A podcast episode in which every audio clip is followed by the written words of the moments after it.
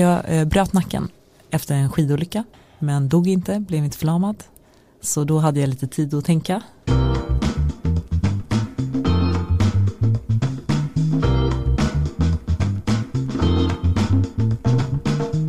Som handelsstudent övertygade hon Antonia Axelsson Johnson att bli hennes mentor. Idag driver hon ett riskkapitalbolag och fattar investeringsbeslut som ska förändra samhället. Och hon har fått med sig HM-vdn Carl-Johan Persson och Kinneviks Kristina Stenbeck som investerar i bolagets fond.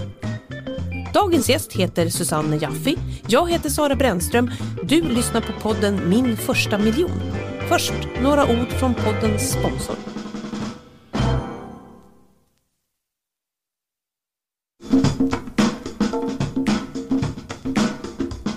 Välkommen hit Susanne Najaffi. Tackar. Du har drivit apotek, grundat en kosmetikkedja eller sajt som heter Eleven och sedan år tillbaka driver du ett riskkapitalbolag som heter Backing Minds tillsammans med en kollega eller kompanjon Susanne Wimmerkrantz. Partner in crime, Just det. Sara Wimmerkrantz. Eh, hur kommer det sig att ni startat riskkapitalbolag? Ja, hur, hur kom det sig egentligen? Eh, jo, men det började nog med att både jag och Sara har tagit in riskkapital till våra bolag.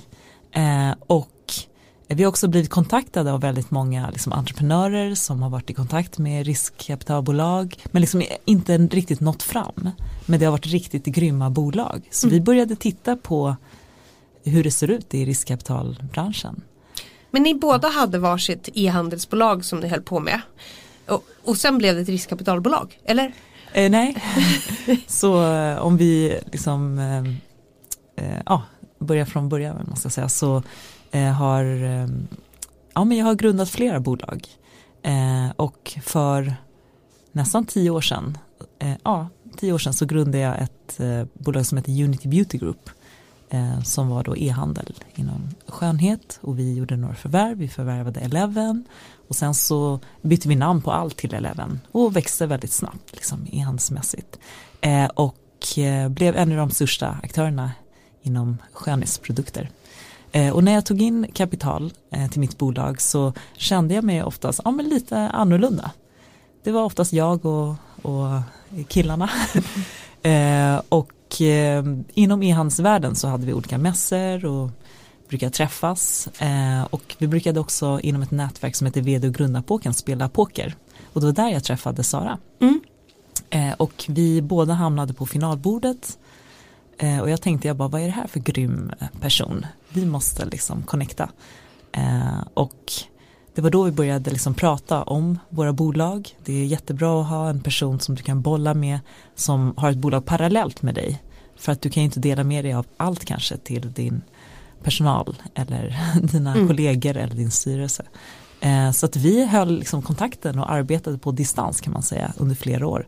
Och sen eh, när tiden var inne så startade vi Back in Minds. Och det var 2015 eller 2016? Eh, 2016, eh, eller ja, egentligen 2015, men 2016 eh, så lanserade vi liksom eh, och gick ut med våra första investeringar. Mm. Eh, och egentligen handlar det om att vi tittade på statistik, hur fördelas riskkapital? Och vi hittade enorma eh, möjligheter, liksom enorma luckor. Eh, vi såg till exempel på eh, hur stor andel av riskkapital som går till Stockholmsbolag, vilket är majoriteten. Nästan allt kapital i Sverige förblir ja, inom tullarna Mm, i, mm. i Stockholm. Liksom. Och mycket kretsat kring Stureplan. Men 74% av alla bolag eh, startas utanför Stockholm. Så att vi bara, här finns möjligheter. 30% av alla entreprenörer är kvinnor. De får mindre än 1% av riskkapitalet. Opportunity. Mm. Eh, och tittar du med personer med, liksom, med invandrarbakgrund så har du liksom liknande statistik. Så istället för att bli deppad och se det som problem har vi sett det som affärsmöjligheter och vi har faktiskt hittat otroligt spännande eh, bolag liksom, i portföljen. Men hur hittar ni bolagen? Har ni någon speciell metod då? Eh, ja, eh, för att vi, vi förstod att eh, för att hitta annorlunda bolag så kan vi inte bara utgå ifrån liksom, ansökningar eller de som kontaktar oss utan vi måste funka som liksom, hemliga agenter nästan Mm. och leta upp bolag. Eh, och vi gör det med en speciell metod. Vi tittar på enormt stora liksom, datamängder och vi fokuserar mycket på underinvesterade branscher. Vad betyder det? Eh, oftast innebär det att det är en bransch där du har en missnöjd kund eller en förbannad kund eller en bortglömd kund. Eh, så, eller användare. Så mm. vi utgår liksom från det perspektivet. Eh, och sen så ja, men, letar vi upp bolagen och kollar efter de bästa bolagen i det segmentet. Och det som är intressant är att den entreprenören är oftast en annorlunda entreprenör. Mm. Eh, som liksom har löst de här problemen. Just det. Eh, ni har investerat i lite olika bolag, är det fem stycken som är offentliggjorda än så länge? Ja men det, är, det, är, det är sex stycken. Det är sex stycken? Ja precis. Eh, och du... vi har investerat i fler som vi kommer gå ut med nu närmsta okay. veckorna. Ja. Otroligt liksom, spännande. Men eh, om du berättar något typexempel, ja. är det då kanske de här som eh, skickar pengar genom olika ja, men, kanaler eh, absolut, som finns i Örebro. Vår, precis, det var vårt första bolag och jag tror att den visar liksom vår modell väldigt tydligt. Mm. Eh, Berätta då, om ja, bolaget. Men, för då tittade vi på invandrare som målgrupp. Och det är faktiskt intressant att det har gjorts så otroligt sällan från liksom riskkapitalhåll. Eh, vi har nästan 100 miljoner personer i Europa som ja, men har invandrarbakgrund liksom, på något sätt. Eh, och vi tittade liksom på vilka områden eh, är de största problemen. Och det var där vi såg att en stor del eh, av den här gruppen skickar hem pengar varje månad, får betala skyhöga avgifter, liksom 15 procent ungefär. Eh, men när vi tittade liksom runt så eh, hittade vi ett team utanför Vivalla eller i Vivalla utanför Örebro i mm. Stockholm mm. som hade hittat en lösning på det här. De själva liksom har växt upp i den digitala tidsåldern, stått i de här köerna liksom till Western Union och liksom, ja, men lagt massa tid på att liksom skicka pengar och bara, mm. men varför finns det inget Swish? Mm. Eh, och sen har de hittat en lösning på det. Så det är ett swish för utlandsbetalningar? Ett swish för utlandsbetalningar. Så att de eh, hittade en lösning på det eh, och sänker liksom avgiften kraftigt. Ehm, du kan skicka liksom pengar på 13 sekunder. Det är en app eller? Ehm, det är inte en app än, det kommer komma som en app. Mm. Ehm, men ja, man går in på transfergalaxy.com. Mm. och de hade fått godkänt eh, av Finansinspektionen och var liksom superglada i hågen och tänkte att nu kommer vi liksom kunna ta in massor av kapital eh, och det här kommer liksom kunna flyga. Så de kontaktade mer än hundra investerare men fick inte något svar, inte ett möte. Och eh, ja, men tyckte att var det, det ni var... som hittade dem eller hittade de er? Eh, ja men vi hittade dem, mm. absolut. Eh, och, eh, och de hade också liksom läst lite om oss då. Mm. Ja, fast inte in, som Back in Minds utan det var innan Back in Minds ah, okay. Eh, skapades. Men eh, så vi hittade dem och investerade i dem och sen vi har investerat så ja, i år trackar de på att skicka eh, en miljard. Går de med vinst redan? Eh, eh, liksom, absolut, sen är det hur man, alltså det är eh, eh, lönsamhet i modellen. Eh, sen handlar det om hur du vill spendera liksom, de Just pengarna det. och det här är ett tillväxtbolag så mm. vi satsar ju allt på tillväxt. Och de ska finnas i fler länder så att de kan vara internationella, alltså ja, och det är fullt det som, ut kan man säga. Ja, men, och det är det mm. som är så häftigt att eh, oftast har man liksom släktingar över hela Europa så mm. det här blir ju en enorm liksom, viral spridning då man tipsar sina släktingar liksom, i olika länder mm. eh, om den här tjänsten så mm. nu finns vi ja, över hela Europa utan att liksom, ja, ha spenderat nästan någon marknadsföringskrona på att, på att lansera det vidare.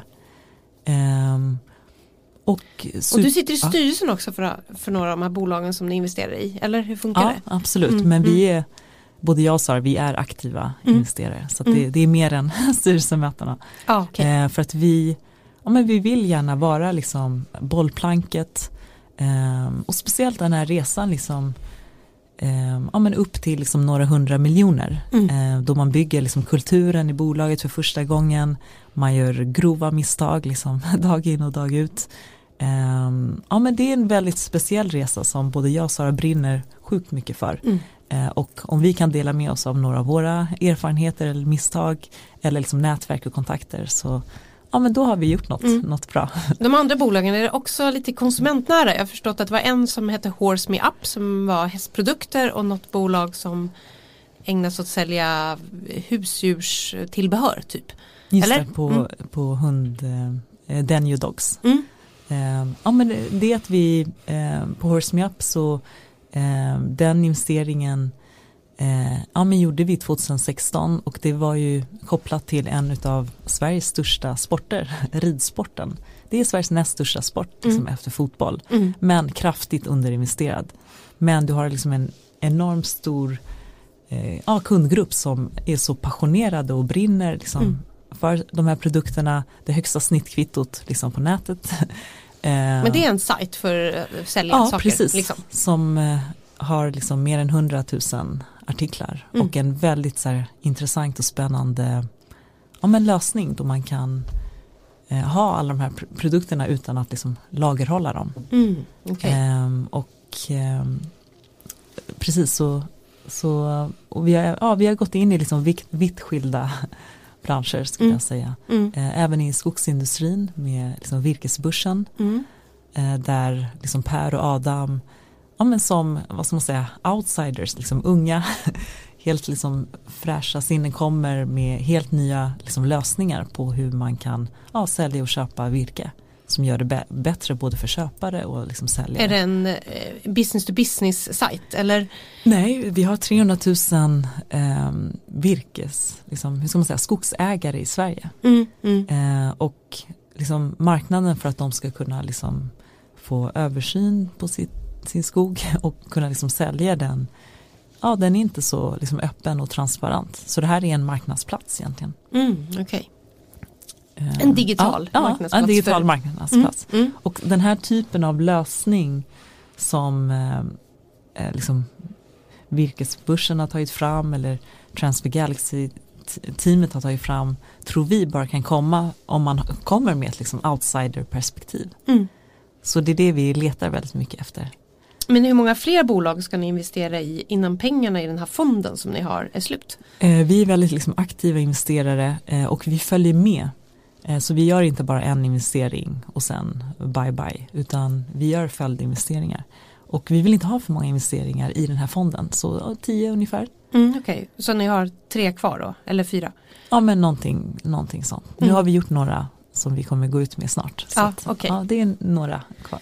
Men hur mycket Mm. pengar är det i den där fonden Ja, totalt? det är inte offentligt. Nej, okej. Nej. Men det har stått en del kring vilka människor som har varit med och stoppat in pengar. Ja. Kan du berätta lite vilka det är? Eh, Det är, vi har helt fantastiska investerare ehm, och det som var så kul när jag och Sara startade fonden för, nu känns det som tio år sedan, men det var tre år sedan. Det var ehm, att vi valde, ja, vi, vi bara, vi ska välja ut vilka som är med liksom, i Back in Minds. Så Mm. vi gjorde jättemycket DD på våra investerare och valde verkligen personer som är liksom moderna och grymma i sitt liksom, tankesätt. Mm. Så vi har bland annat eh, Carl-Johan Persson, Mhm. Kristina Stenbeck, Lena Apler. Vi har eh, eh, William och Selma Olsson. Ja, vi Mm. har eh, lite tech-entreprenörer.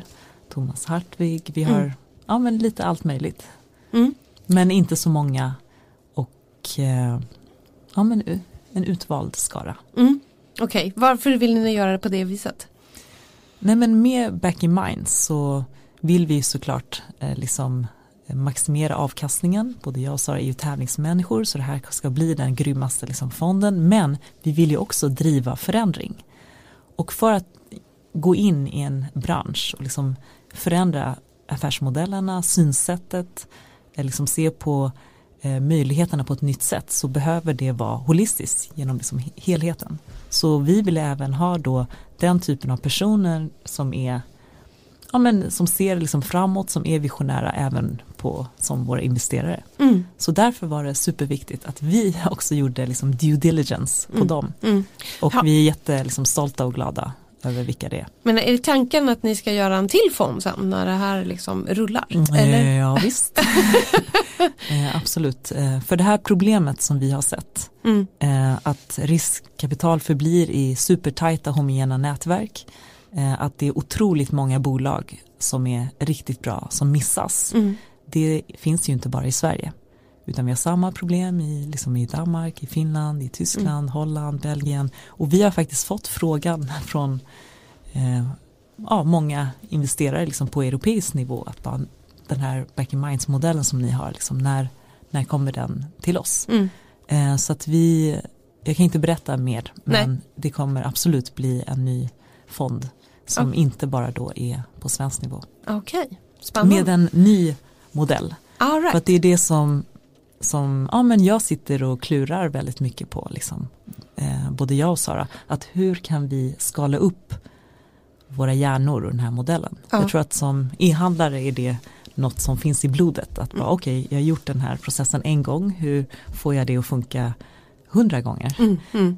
Eh, Ska du klona dig själv och eh, ja, Sara också? Eller? Ja, absolut. Ah, okay. absolut. Eller anställer ni tio till? Nej, det, det handlar mycket om kloning av våra hjärnor eh, med en, eh, en teknik. Eh, men jag kan inte berätta mer än så länge. Okej, okay. hur ser en vanlig arbetsdag ut för dig? Absolut inte som gårdagen. Så ingen dag är den andra lik, för det skulle vara tråkigt. Mm, mm. så att det handlar mycket om att träffa liksom, nya bolag, nya entreprenörer, prata med våra portföljbolag mm. Eh, om allt möjligt, liksom nästan dagligen. Mm. Ehm, och eh, ja, Mm. Och, men också ha tid för liksom, familjen, barnen, mm. ha tid för egen tid. För mig är det mycket på natten. Där jag mm. sitter och, och, och, ja, men klurar på grejer. Liksom. Um, ja, en dag måste innehålla liksom allt, alla delar. Om jag förstod så hade ni tittat på hundratals bolag för att hitta dem ni ska investera i? Eh, nej, inte hundratals, alltså tusentals. Okej. Okay. Absolut. Eh, och med vår... Men ni har ju inte träffat tusen entreprenörer. Jo, absolut. absolut. Vi har träffat alltså 3000 bolag ungefär. Um, Men hur är det möjligt? Fast eh, ja, alltså vissa dagar träffar du kanske liksom 15 bolag. Det är bara do, do the math. Okay. Eh, ja. Så att eh, det är absolut möjligt. Um, och eh, Eh, och sen så, ja men vi tror på att ha liksom även kontakt. Alltså man träffar kanske ett bolag men det är för tidigt. Mm. Men har man etablerat kontakten så när de börjar sticka iväg så, mm. så kan man då liksom komma in och investera i rätt eh, tidpunkt. De behöver liksom bevisa sig lite först innan Ja det kan vara så liksom om bolaget är ett väldigt tidigt stadium. Eh, men det kan också vara så att vi kanske kan tipsa om någonting. Mm. För om, om vi kan hjälpa till att bolaget går bättre, då, mm. det är bara bättre för vår investering sen ändå. Mm. Liksom. Mm. Eh. Om man backar lite, eh, din bakgrund, du har gått på Handelshögskolan och du har haft en karriär som anställd i lite olika bolag. Hur blev du entreprenör? Just det, så jag var på eh, Procter Gamble eh, och jobbade i massa olika länder. Liksom. Hade den här eh, internationella karriären. Eh, men eh, det var väl att jag eh, 2009 bara fick en sån här eh, revelation, eller vad man ska kalla det för, eh, just kring e-handel. Jag bara, e-handel kommer växa liksom 100% alla kategorier, alla länder, det är bara att hoppa på tåget. Eh, och sen var det en händelse i mitt liv som gjorde att jag bara, okej okay, nu, nu kör jag. Och det mm. var när jag fick tid för påtvingad reflektion. Du var eh, sjuk eller? Nej, jag eh, bröt nacken efter en skidolycka. Ah. Men dog inte, blev inte förlamad. Så då hade jag lite tid att tänka. Ehm, och första veckorna skrev jag tillbaka till teamet på Procter och bara, ah, men eh, jag kommer tillbaka snart. Liksom. Vi ses om någon vecka.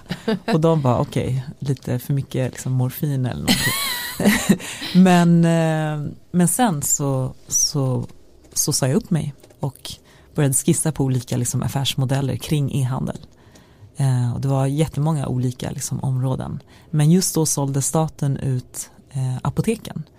Och så är det när du liksom öppnar upp ditt sinne för möjligheter. Men vad var det som fick dig att våga? För att ha en anställning innebär ju så här fast lön, eh, månadsinkomst, alltså även om man jobbar hårt så, och man tar sig vidare och man håller på och kanske har en karriär eller så.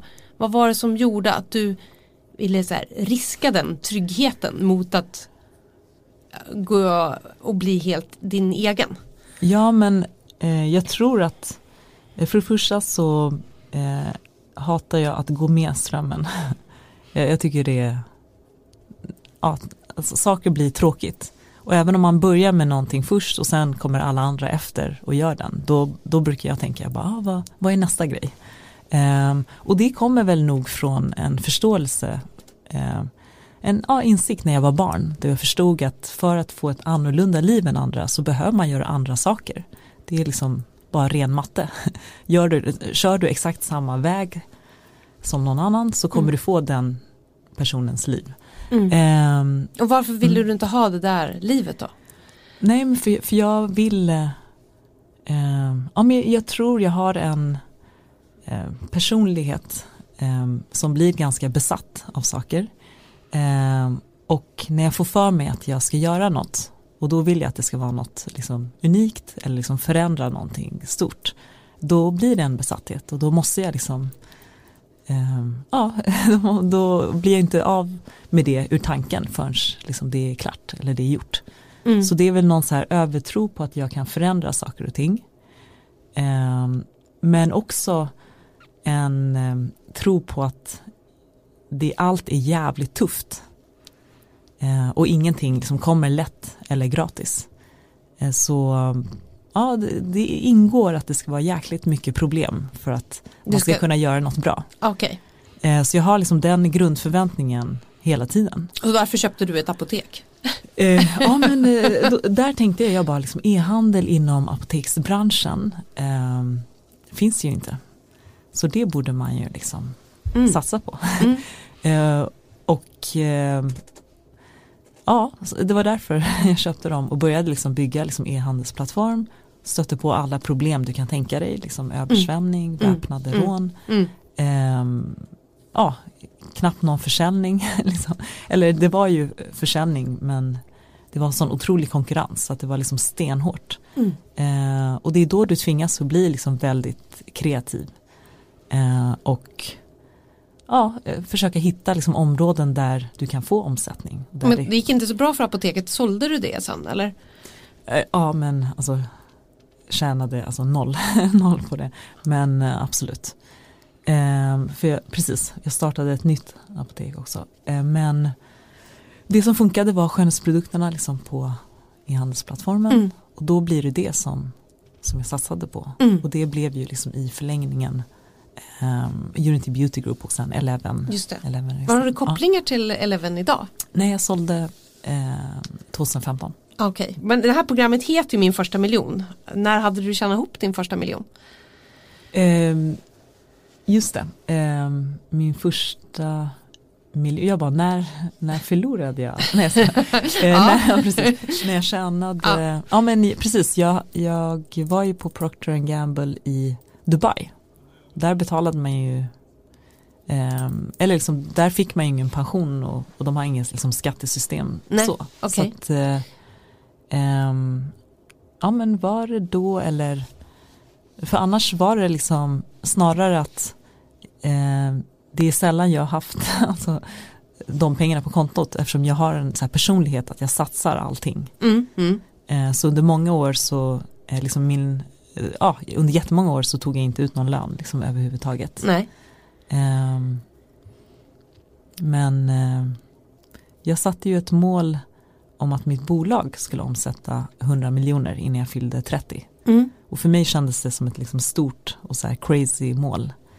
Um, och det uh, ja, misslyckades jag med. Liksom. Um, men när jag var 31 så omsatte vi 100 millar. Okej.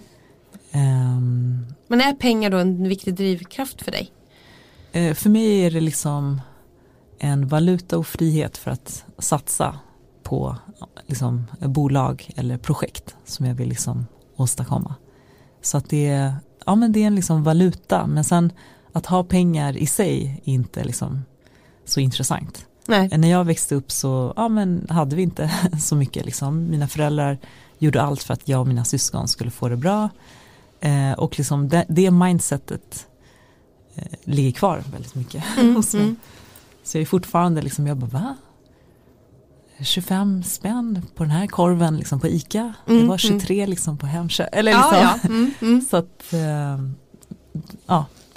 Eh, Men eh, däremot har jag en jättestark drivkraft att vilja förändra saker och ting. Saker som jag tycker inte funkar eller är fel eller som kan bli bättre. Mm. Eh, Och liksom all förändring i i världen har ju börjat med att någon person har suttit där, kanske på natten och fått Mm. en idé. Mm. Mm. Och sen liksom börjat prata om den med andra personer. Men sen är ju skillnaden från det här att man pratar om den här lösningen, det är att verkligen gå ut och göra det.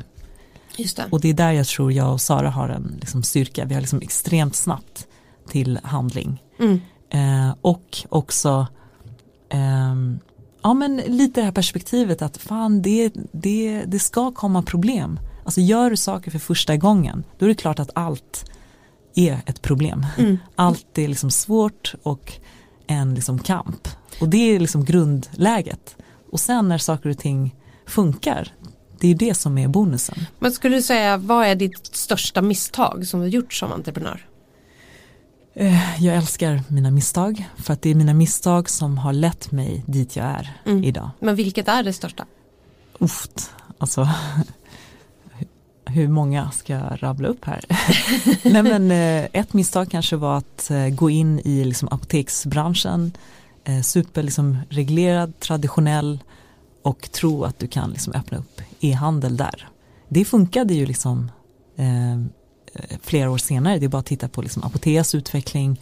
Men eh, tajmingen var ju helt fel. Och jag hade ju liksom sålt min lägenhet och satsat allt Mm. på det. Mm. Ehm, men hade jag inte gjort den resan så hade ju liksom Eleven inte kommit Nej, dit. Och hade jag inte börjat söka liksom eh, riskkapital själv så hade jag inte sett, jag bara, "Ja, men det här kan man förändra. Det här kan bli nya opportunities och då hade Back in Minds inte funkat. Mm. Och apoteksresan ledde ju också till eh, att jag grundade ett annat bolag som heter Clearly som säljer linser på apotek Mm. som idag liksom omsätter ungefär 40 miljoner. Äger du någonting där? Absolut. Mm. Så det, där är, du kvar? liksom? Absolut. Ah, okej. absolut. Ja. Ehm, och ja, så det ena leder alltid till det andra. Mm. Ehm, så att, ja men nu gillar jag liksom misstagen och de här riktigt tuffa stunderna njuter jag nästan av. I en sån här situation där det är så här svårt och mörkt, tänker du någon gång, ja men nu ger jag upp? Eh, nej, och det är ett problem, alltså många gånger, för att ibland kanske man borde ge upp lite snabbare, men nej, jag ger inte liksom upp. Och jag ser också allt som, eh, jag ser alla nej som, jo, absolut, men med lite jobb. eh, så att, eh, ja, ibland kan det bli för mycket. I någon podd jag lyssnar på så säger du att du när du var handelsstudent eh, ville ha Antonia Axelsson Jonsson som mentor så då bara ställer du frågan till henne. Ja, eh, ja men det är ett exempel. För jag förstod liksom att aha, man behöver ha ett nätverk. Och jag bara, vem är den liksom grymmaste som jag kunde tänka mig då? Det var Antonia Axelsson Jonsson och då kom hon till Handels och då mitt mission, liksom, hon ska bli min mentor och då gick jag fram till henne och bara och ja, ställde frågan och så. Och då var hon det liksom under flera år. Så det var ju Vad var det bästa du lärde dig? Eh, ja men otroligt mycket liksom. Men det häftigaste eh, det här, är det här liksom långsiktiga perspektivet. Och att få det redan som liksom, ja, men ung handelsstudent. Mm. Eh, det fick jag från henne. Eh, vilket ja, men jag uppskattar mycket. Mm. Har ni Mm. fortfarande kontakt? Eh, ja men inte lika mycket som, som förut. Men, men absolut. Hon är ju ofta Ja. i e-handeln också, liksom, Ja, tänker jag på. ja. Ehm, I branscher som eh, men hon är inte investerare i Backing Minds. Eh, inte i, i Back in Minds. Hon skulle kunna vara det, tänker jag. Ja absolut. Eh, om du skulle ge lyssnaren tre tips om man ska lyckas med sitt företag. Du träffar ju otroligt mycket företag. Hur lyder de? Just det. Så det är tre tips att lyckas. Mm. Inte att starta utan lyckas. Mm. Ehm, just det, ska jag tänka.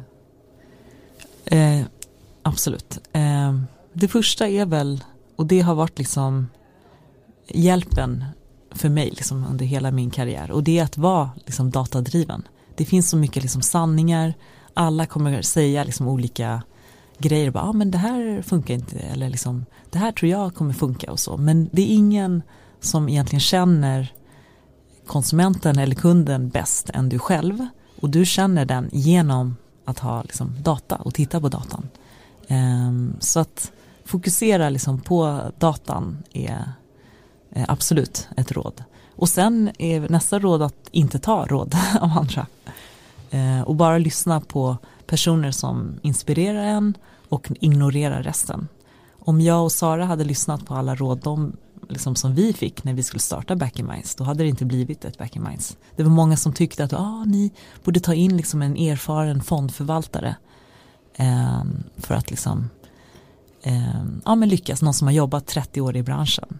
Fast då hade vi ju inte kunnat se saker från ett helt nytt perspektiv. Eh, och vara liksom de här outsiders som kan liksom förändra mm. modellerna. Så att, mm. eh, ja men eh, lyssna inte för mycket på andra. Mm. Och tredje rådet är väl att ja, men älska sina misstag. Liksom att ha lite det perspektivet. Att bara, ja, liksom, har jag haft tillräckligt många problem idag? Om jag inte haft det, då kanske jag inte pushat mig själv och min business tillräckligt. Mer problem liksom. ja. Mer problem. Ja. Men när ni tittar på företag då, eh, vad är det du tycker utmärker en riktigt bra entreprenör? Eh, ja men det är eh, problemlösningsförmågan. Mm. Eh, så att ibland så nu, speciellt när man lyssnar på så otroligt många pitchar, liksom, så kan man bli lite trött på formatet.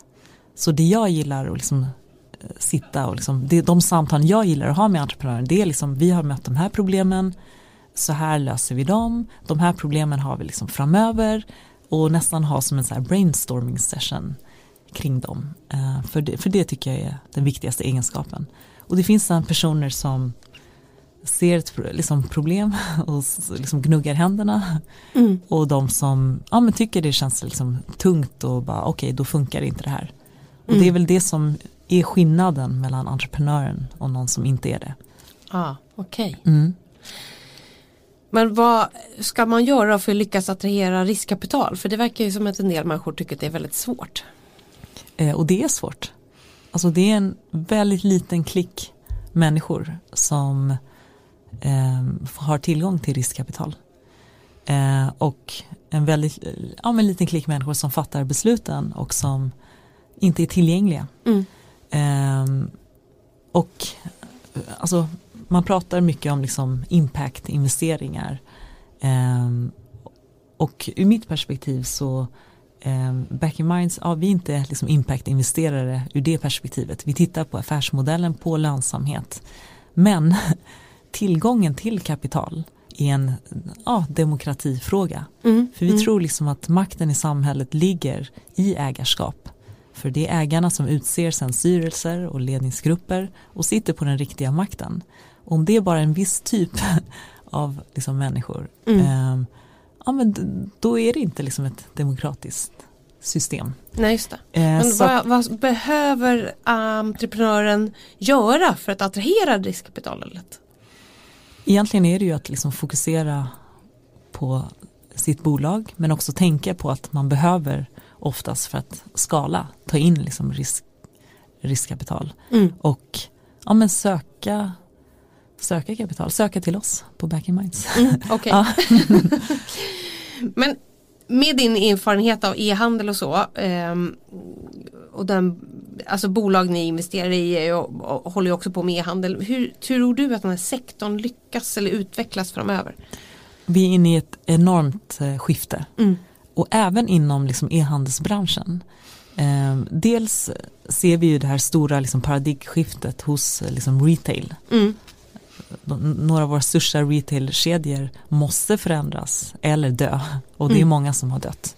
Eh, eh, och där har ju många liksom, ja men e-handlare ett perspektiv ehm, just att man är så nära sin kund på grund av kunddatan. Mm.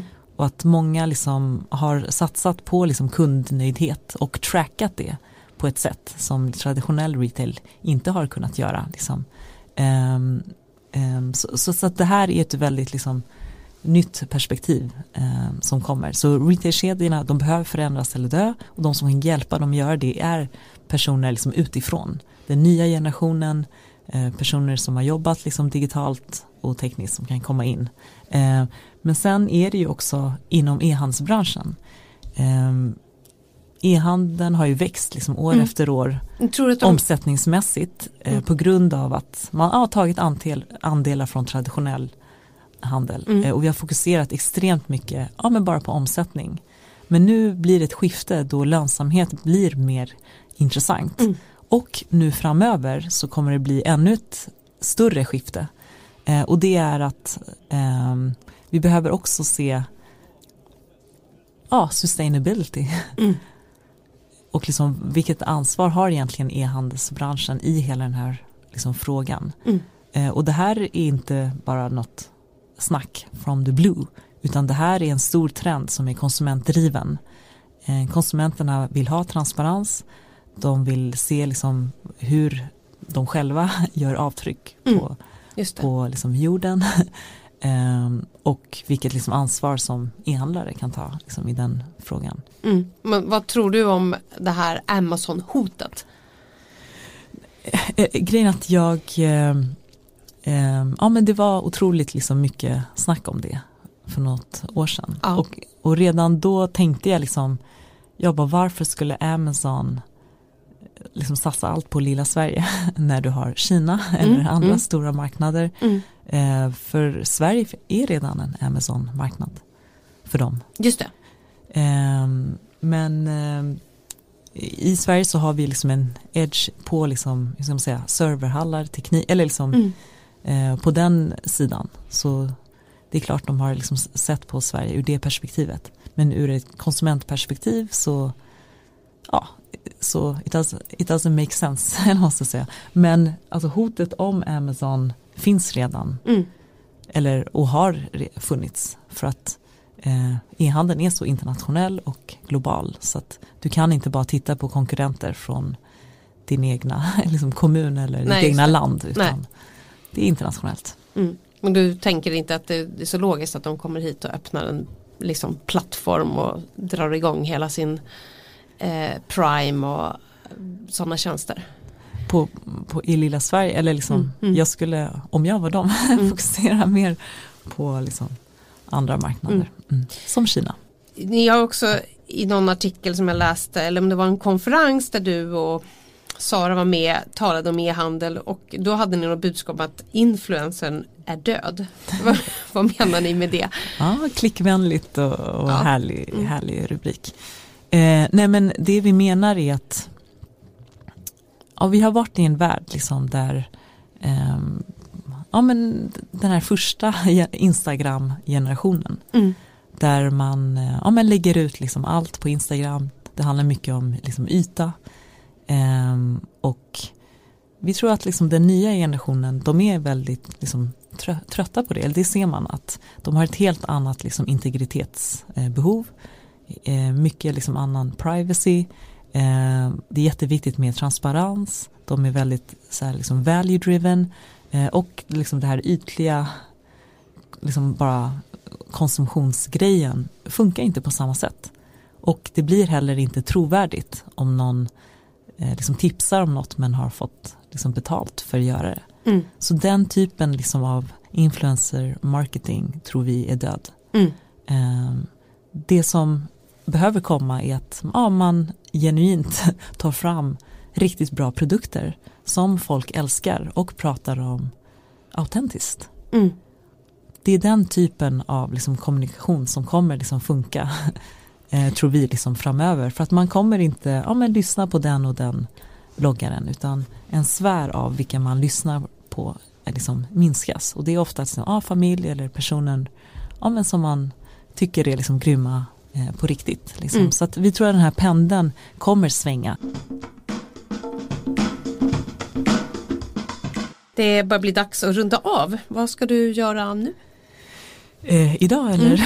Mm, eh, så eh, träffa några bolag. Eh, ja, vad är det för dag? Liksom alla dagar går ihop för mig. För, eh, det har inte blivit så mycket sömn senaste eh, nätterna. Men det är onsdag idag. Det stämmer. Det är onsdag. Och sen eh, Ja, men, och jag gillar inte att planera för mycket. Man måste ha liksom öppna delar under dagen. Så mm. man kan hitta på något spontant. Liksom, ta någon spontan träff med någon vän eller någon. Mm. Så att, inte för mycket planering. Okej. Okay. Det var mycket trevligt att ha dig här, Susanne Jaffi. Tack Sara. Tack. Det var veckans avsnitt av Svenska Dagbladets podd Min första miljon med entreprenören Susanna Jaffi och själv heter jag Sara Brännström. Missa inte att lyssna på våra tidigare avsnitt. Vi har träffat sparprofilen Claes Hemberg som pratar aktier, finansmannen Sven Hagströmer och entreprenören Gunilla von Platen. Du hittar alla avsnitt i din poddspelare.